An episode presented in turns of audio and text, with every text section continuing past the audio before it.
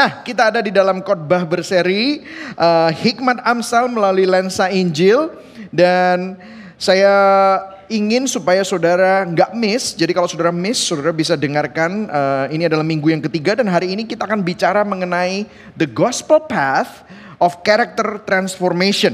Bagaimana kita bisa mengalami transformasi dalam karakter kita dengan jalan setapak Injil. Nah, kita akan buka sama-sama Amsal 4 ayat 11 sampai ayat yang ke-27 dan saudara pasti akan tahu bahwa ada salah satu dari ayat ini adalah ayat yang sangat terkenal yang membicarakan apa? Jagalah hatimu dengan segala kewaspadaan karena dari situlah terpancar Oh, Oh kehidupan ada yang hafal ya puji Tuhan. Ternyata uh, jemaat Gibeon ada yang baca Alkitab ya. Uh, Oke okay, kita buka sama-sama. Kita akan baca sama-sama. Saudara yang put, uh, saya yang putih, saudara yang kuning. Kita akan baca bergantian ganjil dan genap. Amsal 4 ayat 11. Aku mengajarkan jalan hikmat kepadamu, aku memimpin engkau di jalan yang lurus. 12. Bila engkau berjalan, langkahmu tidak akan terhambat. Bila engkau berlari, engkau tidak akan tersandung. Berpeganglah pada didikanku. Janganlah melepaskannya. Peliharalah dia karena dialah hidupmu. 14. Janganlah menempuh jalan orang fasik dan janganlah mengikuti jalan orang jahat. Jauhilah jalan itu, janganlah melaluinya, menyimpanglah daripadanya dan janganlah terus. Karena mereka tidak dapat tidur bila tidak berbuat jahat. Kantuk mereka lenyap bila mereka tidak membuat orang tersandung. Karena mereka makan roti kefasikan dan minum anggur kelaliman. Tetapi jalan orang benar itu seperti cahaya fajar yang kian bertambah terang sampai rembang tengah hari.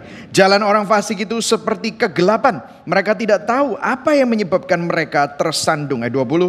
Hai anakku, perhatikanlah perkataanku. Arahkanlah telingamu kepada ucapanku. Janganlah semuanya itu menjauh daripada matamu. Simpanlah itu di lubuk hatimu. Ayat 22. Karena itulah yang menjadi kehidupan bagi mereka yang mendapatkannya dan kesembuhan bagi tubuh tubuh mereka. Jagalah hatimu dengan segala kewaspadaan karena dari situlah terpancar kehidupan. Ayat 24, buanglah mulut serong. Oh, sorry. Ayat 24 sama-sama, buanglah mulut serong daripadamu dan jauhkanlah bibir yang dolak-dalik daripadamu. Biarlah matamu memandang terus ke depan dan tatapan matamu tetap ke muka. Ayat 26, Tempuhlah jalan yang rata dan hendaklah tetap segala jalanmu. Ayat 27, janganlah menyimpang ke kanan atau ke kiri, jauhkanlah kakimu dari kejahatan. Berbahagialah orang yang mendengar firman Tuhan, memelihara dalam hatinya dan melakukan dalam hidupnya. Nah saudara sudah mendengar selama dua minggu terakhir ini bahwa kebijaksanaan itu lebih dari sekedar memiliki moral yang tinggi, etika moral atau nilai moral yang tinggi. Kalaupun saudara punya nilai yang tinggi dan etika moral yang baik, niat yang terbaik yang dilakukan pada waktu yang salah atau dengan cara yang salah dapat merusak segala sesuatu. Karena itu kalau misalnya saudara ada beberapa opsi semuanya baik-baik saja. Saudara butuh hikmat untuk tahu yang mana yang saudara perlu lakukan. Dan puji Tuhan di dalam pencarian kita akan hikmat ternyata hikmat bukanlah teori aturan pola yang harus dipelajari, tetapi seorang pribadi yang penuh kasih yang bisa kita kenal, yaitu Yesus Kristus. Karena hikmat itu adalah pribadi Yesus Kristus. Nah, untuk mengenal Tuhan itu tidak bisa instan, tidak bisa hanya dengan mendengar nubuatan atau dengar khotbah, bukan teknik Bukan seperti pintu atau tombol yang kita pencet. Jadi hikmat itu adalah sebuah proses. Prosesnya apa? Menyusuri jalan setapak. Minggu lalu kita belajar bahwa hikmat itu seperti path. Seperti jalan setapak. Ada pathway. Gimana caranya? Kanan, kiri, kanan, kiri, ayun-ayun. Bisa membosankan.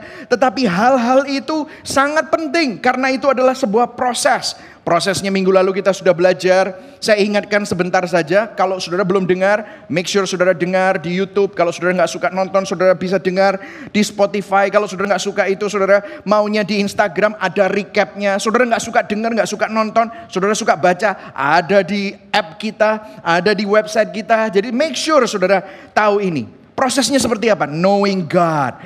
And then knowing self, mengakui kelemahan kita. Know your friends Ternyata teman-teman kita, komunitas kita itu mem, uh, sangat mempengaruhi bagaimana cara kita berpikir. knowing God's way and God's truth. Kemudian know your suffering. Ambillah hikmah dalam pergumulan kita. Jangan hanya bersyukur terhadap pertolongan Tuhan, tetapi ambil hikmah dari pergumulan kita. Kadang-kadang kita belum menerima pertolongan Tuhan, tetapi selalu ada hikmah dari pergumulan kita. Dan setiap kali kita menemukan hikmah itu, itu selalu mendorong kita kembali kepada proses yang pertama.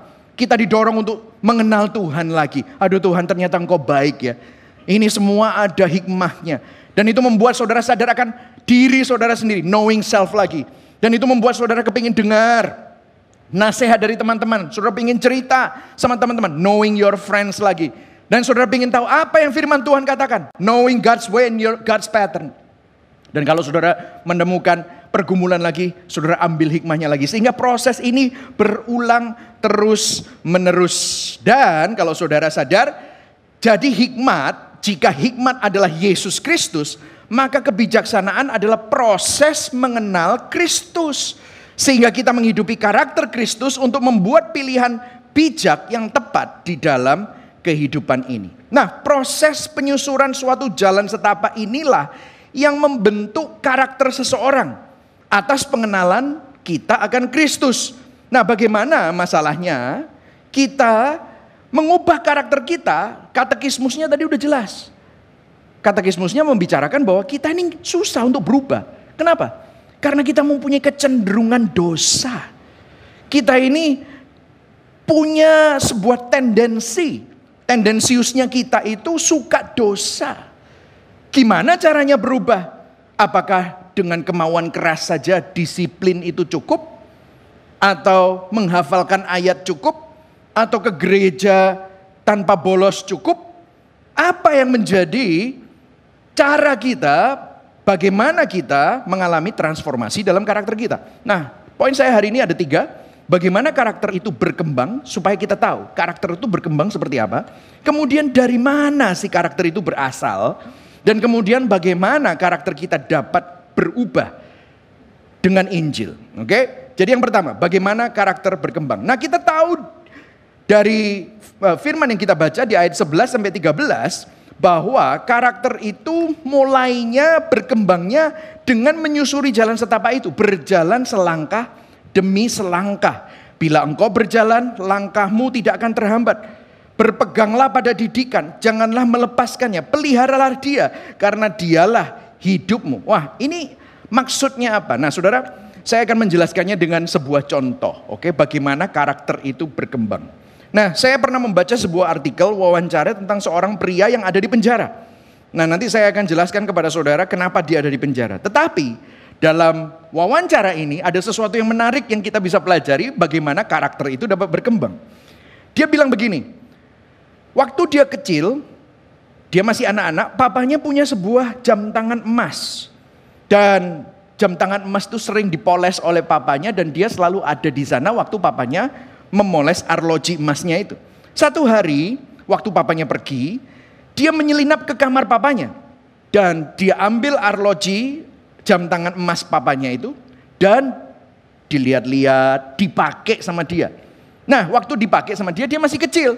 Of course jam tangannya kebesaran waktu dia begini, apa yang terjadi? Jam tangannya jatuh dan kacanya retak, saudara. Nah waktu papanya pulang menemukan jam tangannya retak, dia kumpulkan semua orang serumah dan dia bertanya, siapa yang memecahkan arlojiku? Dan anak ini tidak pernah mengaku dan bahkan menutupi kesalahannya. Dan di dalam interview itu, dia bilang begini, bertahun-tahun dia selalu memiliki kebiasaan yang sama. Suka berbohong, menutupi kesalahannya, dan tidak mau bertanggung jawab atas apa yang dia lakukan, dan selalu mengcover up, menutupi kesalahannya. Nah, bertahun-tahun kemudian dia sedang mengemudikan mobilnya di dalam di dalam uh, sebuah kondisi di mana dia mabuk di malam hari dan dia menabrak anak kecil sehingga anak kecil itu mati. Dan of course, dia langsung meninggalkan tempat kejadian dia menutupi bahkan TKP-nya, tempat kejadian. Dan dia meninggalkan ke tempat kejadian itu dan melakukan tabrak lari. Untuk mempersingkat cerita, dia tertangkap, mobilnya ketemu, difonis hukuman penjara. Nah, saudara bisa melihat di sini, yang menentukan arah hidup orang ini bukanlah saat dia melakukan tabrak lari. Namun semua kebiasaan-kebiasaan dan keputusan-keputusan kecil yang dia lakukan dari sejak dia anak kecil, dia tidak pernah mengaku, dia selalu menutupi kesalahan, menghindari tanggung jawab. Itulah yang akhirnya membentuk tanggung jawab, eh, mem mem membentuk karakternya dia. Kalau saudara pernah dengar seorang filsuf berkata, apa yang ada di dalam pikiran kita sering katakan. Apa yang kita sering katakan akhirnya kita sering lakukan.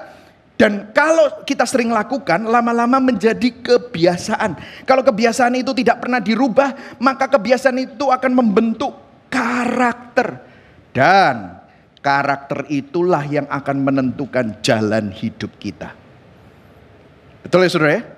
Jadi bukan kejadian yang besar atau event yang besar yang membentuk karakter kita. Tetapi pilihan-pilihan kecil yang kita buat setiap hari yang membentuk karakter kita. Dan akhirnya menentukan jalan hidup kita. Nah kalau karakter berkembang terutama dengan berjalan menyusuri jalan setapak. Yang artinya karakter itu dibentuk oleh pilihan-pilihan kecil yang kita buat setiap hari kalau ada orang yang bilang gini, dia kilaf. Pernah dengar gini? Orangnya itu mestinya baik. Tapi waktu ada tekanan, waktu keadaan genting, maka dia kilaf dan membuat keputusan yang salah. Saudara, menurut prinsip ini sebenarnya justru waktu kita kilaf, waktu ada tekanan, waktu ada event-event besar, sebenarnya sebenarnya itu mengekspos karakter kita yang sebenarnya. Betul nggak? Nah ini yang menunjukkan bahwa ternyata karakter itu berkembang dari keputusan-keputusan kecil yang kita buat setiap hari. Nah kalau kita baca Amsal 4, uh, eh, Amsal 4 ayat 11 sampai 19. Ini membicarakan bagaimana progresi dari karakter tersebut. Nah kita baca sama-sama tadi di ayat 14 sampai 15. Dikatakan begini, janganlah menempuh jalan orang fasik dan janganlah mengikuti jalan orang jahat. Jauhilah jalan itu, janganlah melaluinya, menyimpanglah daripadanya dan jalanlah terus. Dia bilang begini, waktu kamu menyusuri sebuah jalan dan kalau kamu mengikuti jalan itu dan kamu lihat ternyata jalan itu jahat, jalan itu bahaya. Jangan terus ada di jalan itu, evaluasi hidupmu, pindahlah jalur karena ujungnya ini bahaya. Nah masalahnya ini progresinya seperti ini. Kalau kamu nggak merubah jalanmu dan kamu nggak stop dan merubah alurmu, lihat apa yang terjadi di ayat 16. Menjadi suatu kebiasaan dan membentuk karakter. Karena mereka tidak dapat tidur bila tidak apa saudara? Ayo baca sama-sama. Satu, dua, tiga. Karena mereka tidak dapat tidur bila tidak berbuat jahat. Akhirnya kalau saudara perhatikan, ini bahasa yang dipakai di dalam Amsal ini, bahasa Ibrani bisa menunjukkan beberapa karakter yang dipakai. Ini bahasanya adalah bahasa kecanduan. Sudah pernah dengar kata-kata nyandu, ketagihan?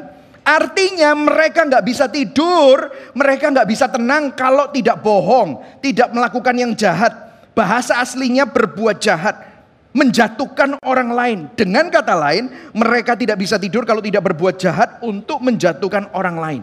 Mereka ingin tidur tetapi mereka tidak bisa tidur karena ada orang yang lebih hebat dari mereka, ada orang yang lebih kaya dari mereka, ada orang yang lebih pinter, powerful, lebih tenar, lebih berkuasa. Mereka merasa terancam dengan kedudukan orang lain tersebut, mereka membandingkan diri dengan orang lain. Dan bahasa-bahasa ini adalah bahasa nggak bisa tidur, terobsesi, kepikiran. Ini adalah bahasa yang dipakai dalam konteks mencandu, kecanduan, ketagihan, saudara. Jadi ternyata keputusan-keputusan kecil ini kalau tidak dievaluasi dan firman Tuhan bilang kalau kamu nggak bertobat, kamu nggak merubah alurmu, kamu nanti bisa ke sebuah jalan di mana kamu itu nggak bisa balik. Karena itu sudah jadi karaktermu dan bahkan kamu mencandu, kamu ketagihan dan kamu nggak bisa tidak untuk melakukan itu terus. Dan saudara tahu ini kecanduan apa? Kok bisa? Dia kecanduan sesuatu yang membuat dia selalu membandingkan diri dengan orang lain. Dan kalau ada orang lain yang lebih hebat daripada dia, dia harus menjatuhkan orang itu atau membangun sesuatu terhadap dirinya untuk merasa lebih daripada orang lain. Saudara tahu kecanduan apa itu? Nah ini bahaya saudara. Dan ini adalah penyakitnya manusia. Ini adalah kecanduan addiction to self. Self-centeredness.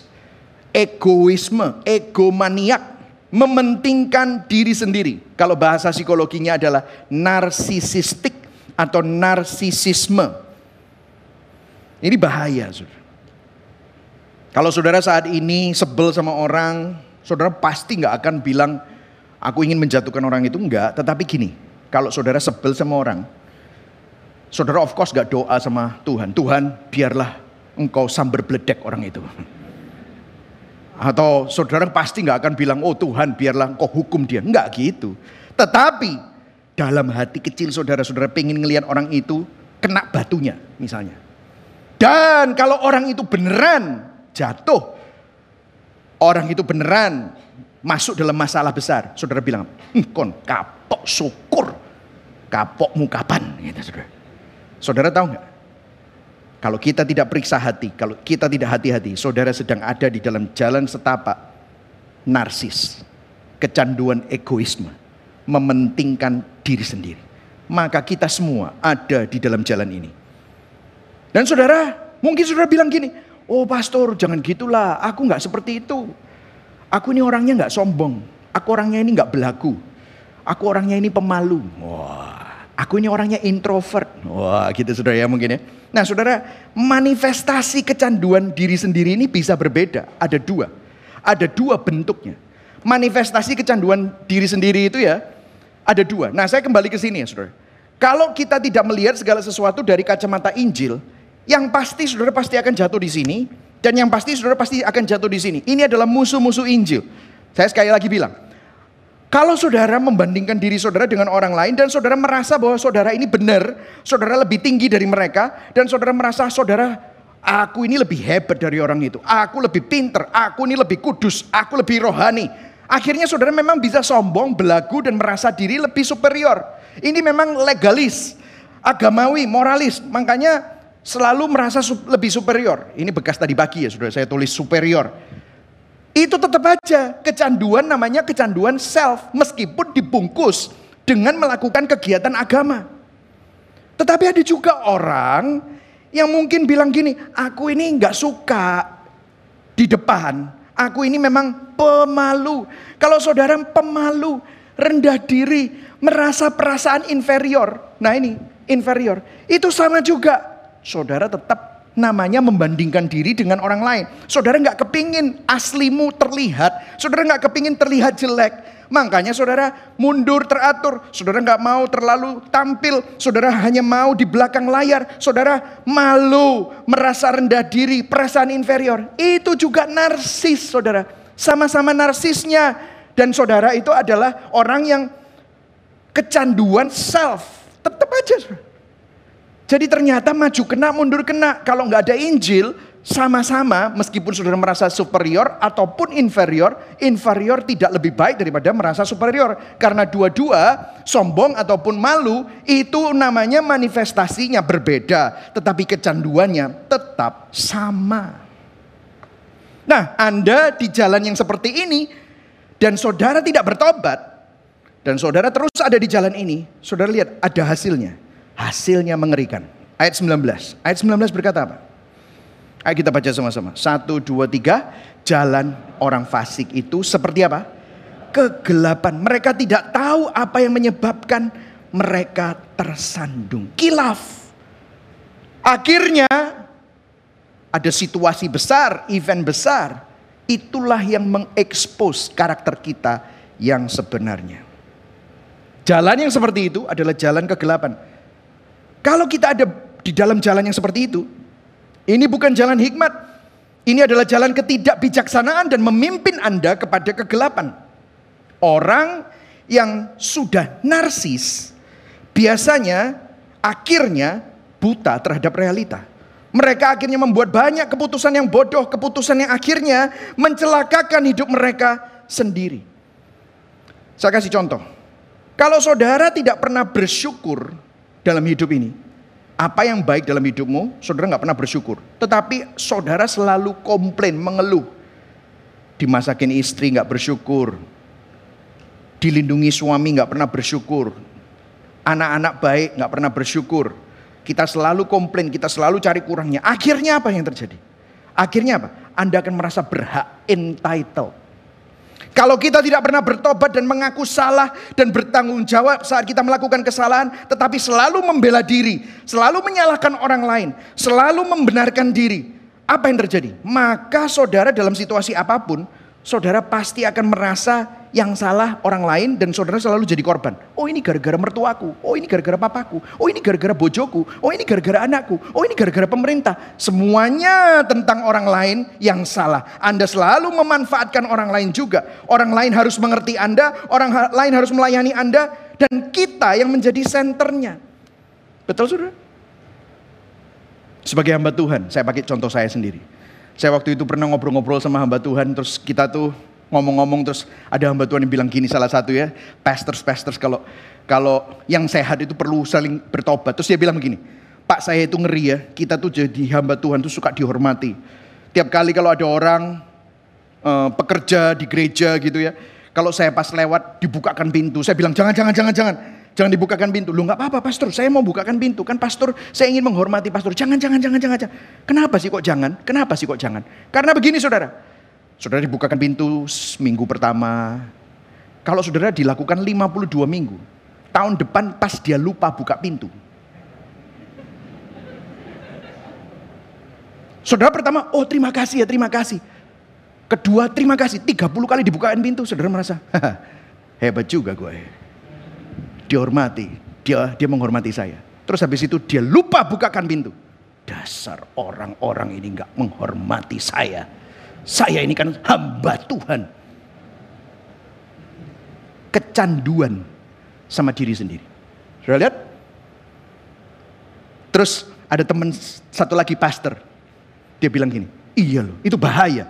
Saya pernah melayani sebuah gereja dan pelayanan gereja ini luar biasa memang bintang lima. Saya begitu sampai ada orang yang valekan mobil saya. Wah, ada orang yang bawakan tas saya. Dikasih minuman, minumannya dingin karena udaranya panas, luar biasa. Saya dibawa masuk di Asher, begitu sampai di sebuah ruangan sudah ada sofa yang nyaman. Bapak bisa berdoa dan persiapan di sini ruangannya dingin. Saya duduk, wah luar biasa. Dan saya pelayanan di situ hampir enam bulan, setiap bulan saya khotbah di sana. Bulan ketujuh saya diundang gereja lain. Tempat parkirnya nggak disediakan. Saya harus tempat parkir jauh sekali. Kemudian panas, gak ada yang menyambut saya.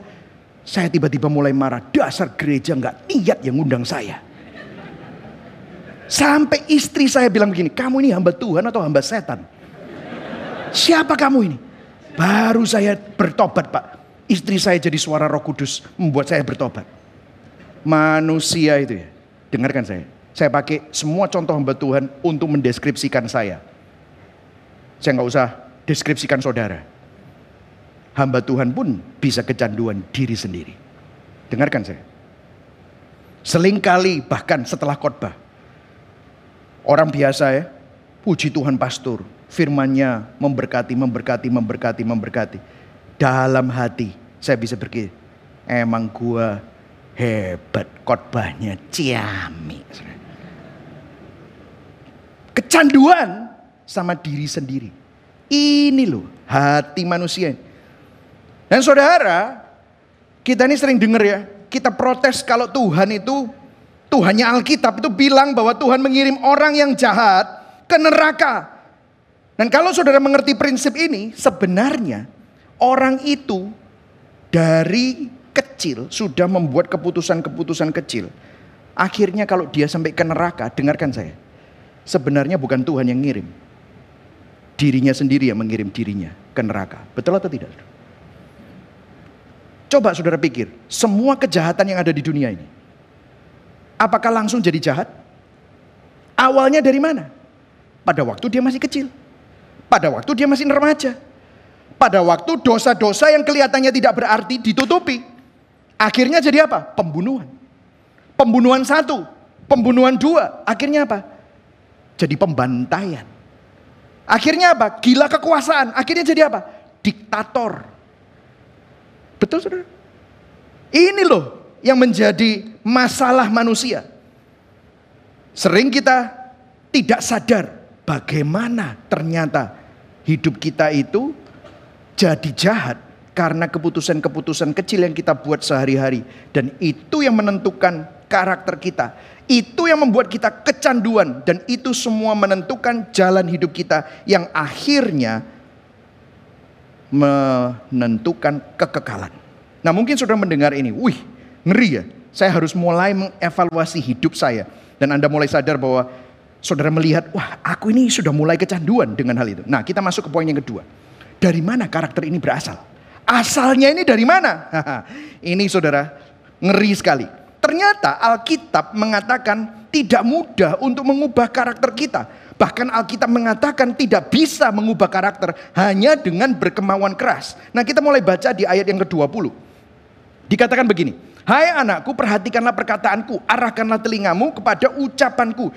Janganlah semuanya itu menjauh daripada mat dari matamu. Ayo kita baca sama-sama yang huruf besar. Satu, dua, tiga. Simpanlah itu di lubuk hatimu. Ayat 22 kita baca sama-sama 1 2 3 karena itulah yang menjadi kehidupan bagi mereka yang mendapatkannya dan kesembuhan bagi seluruh Nah, kata-kata orang bijak tentang ajaran kebenaran, ajaran kebenaran tentang Alkitab, ajaran tentang hukum Taurat, hukum Tuhan, perhatikan yang dia katakan.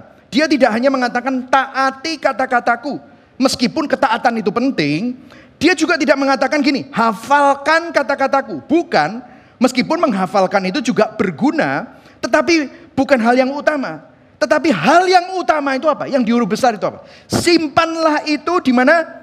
Di lubuk hatimu, karena itulah yang menjadi kehidupan. Nah saudara, sering kali ya kita yang sudah dipengaruhi oleh filsafat Yunani, kita kalau ngomong hati itu selalu kita berpikir bahwa hati sama kepala itu adalah sesuatu fungsi yang berbeda. Kalau kepala itu isinya logika, ada otak. Kalau membuat keputusan harus pakai kepala, kan gitu kan? Kepala dingin. Terus kemudian kalau hati itu adalah feeling, emotion, cinta, asmara, oh, moody, ya kan?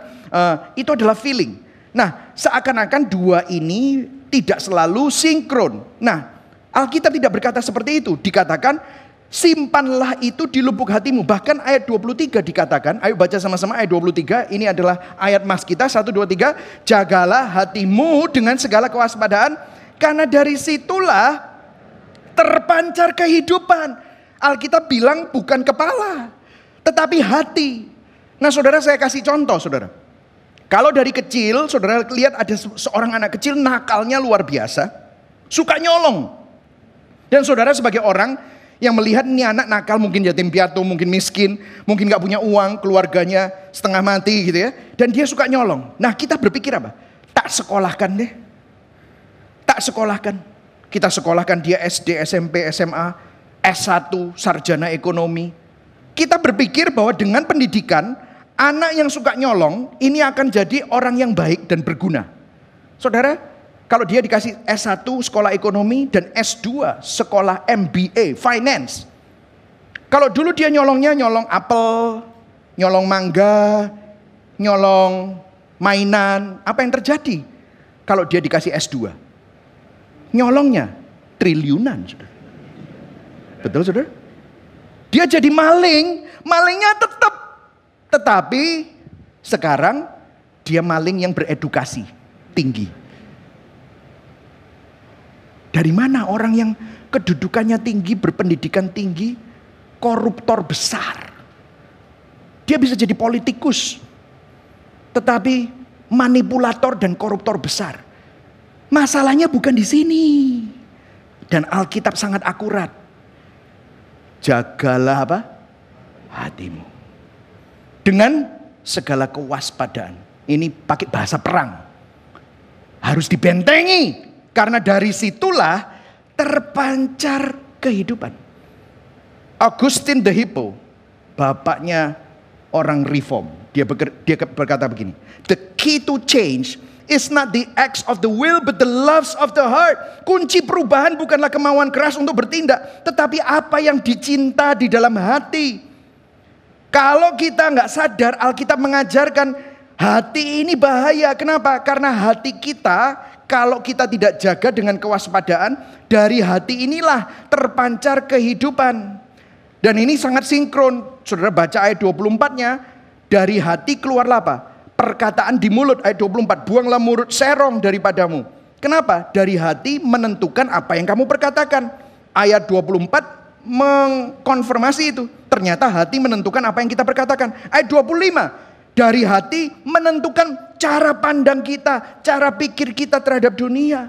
Ayat 26 dan ayat 27, dari hati menentukan keputusan dan perbuatan kita, saudara. Jadi, kesimpulannya, saudara, kesimpulannya, apa yang kita cintai di dalam hati akan menentukan setiap keputusan yaitu apa yang ada di dalam pikiran, perbuatan, dan perkataan yang kita ambil di dalam hidup ini. Itulah sebabnya dari hati terpancar kehidupan. Nah ini bahaya saudara, kenapa? Karena hati kita ternyata mencintai hal-hal yang fana. Dari hati kita ada muncul dambaan-dambaan yang mendorong kita mencari hal-hal yang bisa memuaskan dambaan dan keinginan itu, saudara. Apa yang hati kita cintai, apa yang hati kita cari, apa yang menjadi dambaan hati kita, apa yang membuat kita berkata begini, kalau aku punya itu, aku akan bahagia. itu akan membuat aku jadi puas, itu akan bikin aku jadi seseorang yang penting, signifikansiku di sana. Apa itu? Banyak orang macam-macam. Oh kalau aku nikah sama dia. kalau aku punya omset segini. Gol-gol saudara. Kalau aku punya rumah dan rumahku ada di daerah sana. kalau incomeku segini. Kalau aku dapat kerjaan ini. Harga diriku ditentukan. Harga diri kita ditentukan oleh apa yang hati kita anggap berharga dan bernilai. Dengarkan saya, saya kasih beberapa contoh. Contohnya bisa macam-macam, saudara. Kalau uang, money adalah hal yang paling utama bagi kita. Dan money, uang adalah cara utama untuk kita merasa aman, merasa penting, merasa berharga. Itu akan mempengaruhi semua keputusan kita. Maka kita akan rela untuk kerja, rela untuk kerja yang belum tentu saudara suka, belum tentu sesuai dengan bakat saudara, asal menghasilkan uang. Betul atau tidak? Dan saudara akan rela untuk tidak memperhatikan keluargamu demi uang. Tidak memperhatikan kesehatanmu demi uang. Dan apa yang terjadi? Saudara dapatkan itu, dapatkan itu. Dan untuk memper, kalau saudara dapat, saudara semakin takut. Semakin takut untuk kalong. Semakin takut untuk berkurang. Semakin takut kalau ini hilang. Apa yang terjadi? Saudara akan melakukan segala sesuatu untuk melindungi itu. Dan kalau saudara ada jalan buntu, Saudara akan rela untuk nipu, saudara akan rela untuk memanfaatkan orang, saudara akan rela untuk melakukan hal-hal yang ilegal untuk mempertahankan yang saudara anggap penting ini. Tapi kalau saudara terus melakukan itu dan saudara kecanduan akan hal itu, itu candu saudara. Dan saudara kecanduan akan hal itu, saudara tahu? Tadi bilang apa Firman? Jadi gelap. Dan apa yang terjadi? Biasanya semua hal-hal ilegal hal-hal jahat yang saudara lakukan. Selalu ada konsekuensinya. Dan apa yang terjadi? Biasanya kalau ketangkep, akhirnya apa? Omsetnya, asetnya disita semua. Apa yang terjadi? Apa yang saudara dambakan akhirnya hilang juga. Betul atau tidak? Saya kasih contoh lagi. Kalau misalnya yang paling berharga buat kamu itu keluarga. Apa yang terjadi? Saudara akan berusaha untuk mendapatkan kebahagiaan keluarga Saudara akan berusaha untuk mencitrakan keluarga yang bahagia. Saudara akan berusaha mengkontrol pasanganmu, mengkontrol anak-anakmu supaya pasanganmu jadi pasangan yang sempurna, anak-anakmu jadi pasangan uh, jadi anak-anak yang sempurna. Semuanya serba ditoto. Saudara berusaha untuk membuat keluarga yang ideal. Dan apa yang terjadi? Setiap kali saudara melakukan itu, Begitu ada jalan buntu, saudara akan marah. Saudara akan berusaha untuk melakukan segala sesuatu untuk mempertahankan kebahagiaan keluarga. Apa yang terjadi? Keluarga saudara itu manusia. Manusia mana yang suka dikontrol? Biasanya semakin kita berusaha mengontrol pasangan kita, mengontrol anak-anak kita, semakin anak-anak kita melari, lari menjauh dari kita. Betul atau tidak? Karena usaha-usaha untuk mempertahankan apa yang saudara anggap berharga ini, akhirnya mensabotase usaha Anda untuk mendapatkannya. Akhirnya apa? Ada orang yang memberhalakan keluarganya, tetapi justru keluarganya berantakan. Pasangannya tidak tahan dengan suaminya atau istrinya. Anak-anaknya tidak tahan dengan mamanya atau papanya. Akhirnya apa? Yang dia inginkan adalah keluarga, tetapi justru keluarganya meninggalkan dia. Halo. Saudara mulai lihat ini? Kekuasaan. Apa yang terjadi? Saudara lihat semua, saudara lihat sejarah. Hitler. Gila kekuasaan. Semua diktator, gila kekuasaan. Mau siapa? Muammar Gaddafi. Saddam Hussein. Siapa? Ayo, sebutkan. Akhirnya semua usaha untuk mempertahankan kuasanya. Mensabotase apa yang diinginkan. Akhirnya kekuasaannya hilang. Kegelapan. Jadi saudara bisa lihat ya. Ini adalah seperti lingkaran setan yang terus menerus. Alkitab ingin bicara sama kita hari ini. Justru kita jadi orang bodoh jika kita lebih mencintai sesuatu yang lain selain Tuhan. Yang setuju katakan amin. Karena begini saudara, hati kita itu rusak. Mestinya hati kita diciptakan untuk kemuliaan Tuhan. Makanya Solideo Gloria itu adalah desain awalnya Tuhan. Tetapi karena dosa hati kita ini rusak. Makanya kalau kita lihat dari dua poin di atas, ada suatu tension atau masalah di satu sisi keputusan-keputusan kecil setiap hari menentukan karakter kita dan menentukan jalan hidup kita dan kekekalan kita. Tetapi di sisi yang lain, kita tidak bisa begitu saja mengubah keputusan-keputusan kecil kita karena ternyata keputusan kita ditentukan oleh hati kita ini loh yang suka dosa.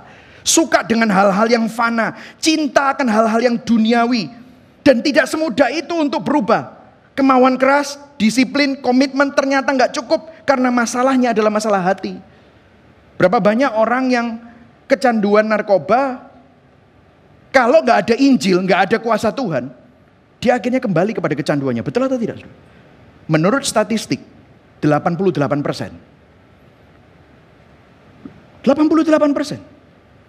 Orang yang justru kecanduan itu berusaha berhenti, malah nggak bisa berhenti, saudara. Nah, ini adalah dilema yang tidak bisa kita selesaikan dengan cara kita sendiri. Tadi katekismusnya pas banget. Karena begini saudara. 1500 tahun yang lalu ada sebuah perdebatan antara dua tokoh teolog. Yang satu namanya Augustin, yang satu namanya Pelagius. Dari sini muncullah doktrin yang namanya doktrin total depravity doktrin kerusakan total manusia. Pelagius ini percaya bahwa manusia pada dasarnya baik dan bisa mencari Tuhan dan merubah karakter dan perilaku manusia dari yang jahat. Dengan usaha keras dan kemauan keras dia akan bisa berubah.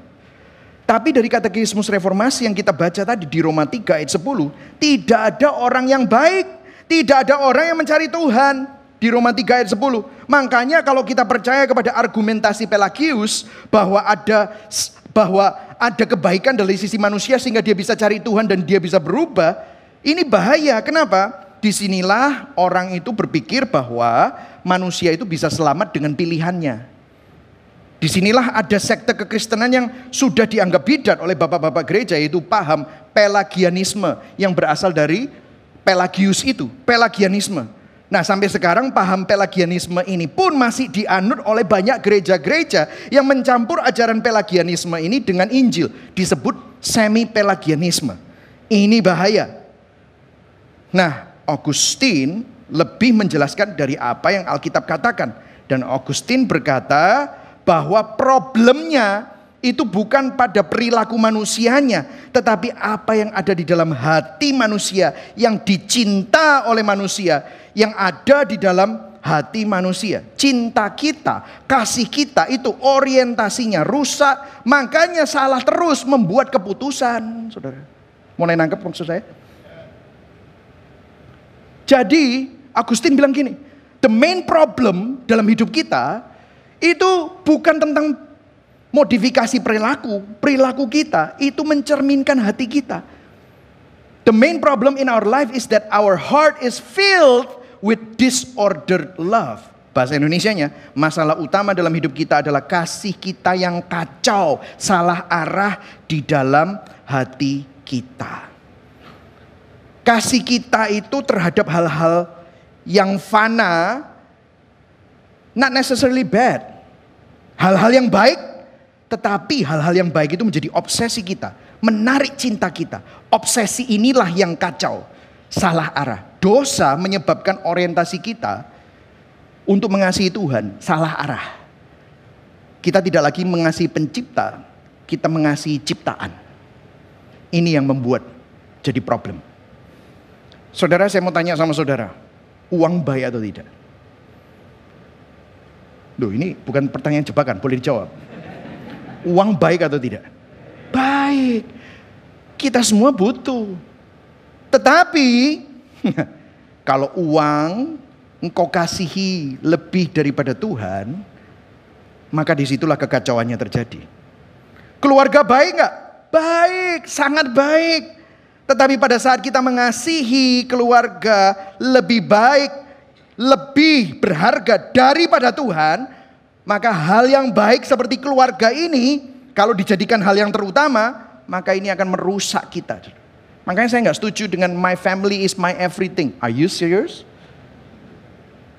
Karena when you think your family is everything, biasanya familynya hancur. Kenapa? Terobsesi, kamu berusaha mengontrol segala sesuatu dalam keluargamu. Padahal keluargamu itu manusia-manusia yang juga nggak sempurna. Di situlah segala sesuatu jadi kacau. Keluarga baik, pekerjaan baik gak? Baik, karir baik gak? Baik, berkat Tuhan baik gak? Baik. Tetapi segala sesuatu akan kacau. Kalau yang baik ini jadi yang paling berharga, paling ultimat dalam hidup saudara. Coba saudara selidiki, segala sesuatu yang kacau dan jadi dunia, asalnya dari mana? Sesuatu yang baik. Sebenarnya itu semua dari Tuhan. Tetapi kalau itu dijadikan nilai dan harga diri seseorang, dijadikan ukuran penerimaan seseorang, kalau pencapaian menjadi identitas seorang, seseorang, maka itu akhirnya akan menghancurkan dan membawa kepada kegelapan tadi. Kiri kanan, kiri kanan salah arah. Ayun-ayun tiba-tiba masuk dalam kegelapan, masuk dalam kecanduan. You see that? Sudah bisa melihat itu? Nah, mungkin saudara bertanya, gimana solusinya? Saya senang Anda bertanya begitu. Karena kita masuk ke dalam bagaimana karakter kita dapat diubah. Saudara, ada seorang yang namanya Martin Luther. Dia adalah seorang biarawan yang mempelajari tulisan Augustine tadi. Dan di dalam bukunya The Bondage of the Will, Sebenarnya buku itu saya baca tahun 2008 dan mengubah cara pandang saya. Karena saya nggak ngerti tentang apa itu doktrin kekristenan dan Injil. Nah Martin Luther itu adalah seorang Augustinian monk, biarawan dari uh, murid dari Augustin. Dia menyelidiki hatinya dan dia menyadari ternyata apa yang terjadi dalam hatinya itu begitu jahat dan penuh dosa. Bahkan di dalam tulisan-tulisannya di dalam buku The Bondage of the Will diceritakan bahwa dia sering pergi ke pengakuan dosa. Itu sampai beberapa belas kali di dalam sehari.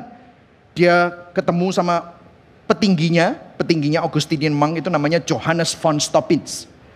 Dan dia ngaku dosa sama Johannes itu sampai beberapa belas kali. Bahkan kalau di total-total bisa melakukan pengakuan dosa 6 sampai 8 jam saudara sehari.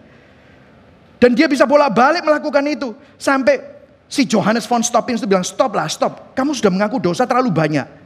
Sampai yang diakui dosanya, yang yang yang harus mendengarkan pengakuan dosa sampai belenda, saudara. Ini ngaku dosa terus. Sehari bisa 18 kali. Dan di total-total, waktuku 8 jam habis dengerin Martin Luther ngaku dosa. Terus dia bilang begini. Dia berkata, dia nulis. Aku ini belajar untuk gak egois. Aku belajar gak sombong. Dan aku belajar untuk tidak hidup dalam hawa nafsu. Makanya aku jadi biarawan. Aku jadi biarawan tinggal di biara untuk menjauhkan diri dari keduniawian. Kerjanya biarawan ngapain? Nolongin orang miskin. berdoa. Tapi waktu aku nulungin orang miskin, aku kecanduan sesuatu. Aku kecanduan karena waktu aku nulungin orang miskin, aku merasa aku orang aku orang baik. Terus dia bilang, aku mulai bangga dengan kebaikanku. Gak kayak orang-orang yang duniawi yang di sana. Duh, jadi aku nulungin orang miskin bukan karena orang miskin. Aku nulungin orang miskin karena apa? Aku ingin merasa baik. Waduh, jahat sekali aku ya. Di dalam pengakuan dosa, dia juga nulis begini. Aku ngaku dosa, aku mulai kecanduan dengan pengakuan dosa. Karena aku merasa aku ini rendah hati ya. Dan aku mulai bangga dengan kerendahan hatiku. Saudara lihat ironis? Saudara pernah bangga? Aku loh rendah hati. Tidak kayak dia. Dia mulai merasa lebih daripada orang-orang. Orang-orang itu gak pernah ngaku dosa, gak koyo aku. Bangga dia dengan kerendahan hatinya. Dan dia benci sama orang-orang sombong. Dasar orang-orang sombong. Dan dalam hati saya, itu menurut Martin Luther, saya merendahkan orang sombong. Loh bukankah saya juga sombong? Sudah lihat? Sehingga akhirnya dia ini sampai frustrasi. Gimana? Aku mau berusaha nolong orang miskin, eh ternyata supaya aku merasa diri mulia. Waktu aku menolong orang miskin, aku merasa aku baik. Waktu aku ngaku dosa, aku merasa aku rendah hati. Malah aku bangga dengan kerendahan hatinya. Sudah lihat nggak di sini? Merasa superior. Kalau ngaku dosa merasa inferior. Tetapi dua-dua tanpa Injil tetap membawa dia kepada addiction to self. Kecanduan diri sendiri. Dan dia ini mengajar mengajar Alkitab juga. Dan motonya mengajar Alkitab adalah take the truth, find the way of the truth, and go do it in your life. Ambil kebenaran, the truth, take the truth, find the way of the truth, temukan jalan yang benar itu, hidupi jalan yang benar itu. Live the truth. Tetapi dia merasa hatinya tetap kecanduan diri sendiri. Saya tetap narsis saya tetap jadi orang yang narsisistik meskipun saya melakukan hal-hal yang rohani, tetapi hati saya begitu rusak, Saudara. Itulah sebabnya agama tidak bisa mengubah kita. Itulah sebabnya perintah dan hukum tidak bisa mentransformasi kita. Itulah sebabnya kita butuh Injil. Nah, Saudara, Beberapa abad berlalu, beberapa ratus tahun berlalu setelah Amsal ditulis. Ada sekelompok murid yang berguru kepada seorang rabi Yahudi dengan harapan dia mereka menemukan hikmat. Rabi Yahudi ini melakukan banyak mujizat dan murid-muridnya ingin belajar hikmat. Rabi Yahudi ini namanya Yesus. Di Yohanes 14 Sang rabi yang mengaku dirinya Mesias ini bilang bahwa waktu dia untuk mengajar murid-muridnya sudah tidak lama lagi. Karena dia akan pergi meninggalkan mereka untuk kembali ke rumah Bapa dan dia berkata begini di Yohanes 14. Di rumah Bapakku, oh kok bisa langsung ke sini? Di rumah Bapakku banyak tempat tinggal. Jika tidak demikian tentu aku mengatakannya kepadamu sebab aku pergi ke situ untuk menyediakan tempat bagimu. Ayat 3, dan apabila aku telah pergi ke situ dan telah menyediakan tempat bagimu, aku akan datang kembali dan membawa kamu ke tempatku. Supaya di tempat di mana aku berada, kamu pun berada. Dan kemudian ayat yang keempat, ke mana aku pergi, kamu tahu jalan ke situ. Ini adalah farewell speech Yesus kepada murid-muridnya. Kemudian ada seorang namanya Thomas dari salah satu muridnya. Dia pakai bahasa kebijaksanaan. Karena jalan itu di situ dia pakai kata-kata Yunani, the path. The path, jalan setapak. Kata Thomas kepadanya, Tuhan kami nggak tahu ke mana engkau akan pergi. Jadi gimana kami tahu the path to get there? Jalannya gimana? Thomas bicara bahasa hikmat, bahasa kebijaksanaan. Aku pernah baca Amsal. Di Amsal ada jalannya. Tapi jalan yang kamu ajarkan ini beda Tuhan. Dia pakai kata jalan, path, jalan setapak. Gimana kita bisa pergi ke sana? Gimana kita bisa menemukan jalan ke sana? Kita nggak tahu caranya ke sana. Mungkin pertanyaan saudara hari ini sama seperti Thomas. Aku baru tahu ya ternyata bahwa keputusan-keputusan kecil ini menentukan karakterku, tetapi masalahnya keputusan-keputusan kecil ini ditentukan oleh hatiku yang begitu jahat. Gimana aku bisa berubah? Gimana aku bisa merubah jalan hidupku? Dan pertanyaan ini menunjukkan kecenderungan manusia yang selalu tanya, how? Gimana caranya? Stepsnya, metodenya. Tetapi saudara lihat jawaban Yesus, luar biasa. Jawaban Yesus adalah, dia nggak bilang bahwa aku tahu jalannya, Aku sudah pernah lewat jalannya, aku bisa menunjukkan jalannya. Apakah begitu? No. Kita baca sama-sama pelan-pelan, oke? Okay? Ayat 6. Kata Yesus kepadanya. Apa saudara? Akulah jalan dan kebenaran dan hidup. Tidak ada seorang pun yang datang kepada Bapa kalau tidak melalui aku. Apa maksudnya? What does it mean? Apa maksudnya? Yesus bukan cuma hanya penunjuk jalan. Yesus bukan cuma hanya nunjuk itu loh kebenaran. Bukan. Yesus gak cuma bilang ini loh caranya untuk hidup. No. Dia bilang akulah jalannya. Akulah kebenaran. Akulah sang hidup. Kita cari harga diri di dalam dunia ini melalui apa? Kekayaan, melalui pencapaian, melalui keluarga, melalui cinta, melalui siapa yang kita nikahi, melalui apa yang menjadi harga diri kita. Kita cari semua itu di dalam hal-hal yang fana. Tetapi buktinya apa? Semua yang dunia janjikan itu selalu mengecewakan. Akhirnya kita mensabotase diri kita sendiri. Akhirnya kita kehilangan apa yang kita dambakan itu. Tetapi Yesus mau ngata, mau berkata kepada kita, kamu nggak akan pernah bisa mendapatkan harga diri, cinta dari apa yang dunia tawarkan. Aku penciptamu, aku yang menciptakan kamu, aku yang membuat engkau untuk memuliakan aku, tetapi gara-gara dosa rusak. Kalau kamu mau cari harga diri, harga diri yang tertinggi, Yesuslah harga diri kita. Kamu cari penerimaan manusia, pasti kecewa. Yesuslah penerimaan kita yang tertinggi. Dia yang mestinya menolak kita. Tetapi dia rela untuk ditolak. Supaya saudara dan saya yang mestinya ditolak Tuhan. Dapat diterima. Kalau kita berpikir kita bisa mendapatkan cinta manusia dan kita berpikir pasangan kita kalau mencintai aku, aduh enak ya kalau ada yang mencintai. Malam hariku gak dingin, anget. Saudara tahu, cinta yang seperti itu bisa mengecewakan. Bukan cuma bisa, pasti mengecewakan. Karena kita dambakan dari manusia berdosa. Siapa cinta yang tertinggi? Karena begitu besar kasih Allah akan dunia. For God so loved the world, He gave Himself. Mati di atas kayu salib. Supaya saudara dan saya yang mendambakan cinta yang fana itu. Menemukan cinta yang sesungguhnya. Di dalam dia. Yesuslah cinta yang tertinggi. Yang kita dambakan. Yesus menghidupi hidup yang seharusnya kita hidupi, namun tidak mampu kita hidupi. Tetapi bukan cuma hanya itu, dia juga menjalani, mengalami kematian yang layak kita alami, namun tidak kita alami. Jawabannya is not how, it's about who.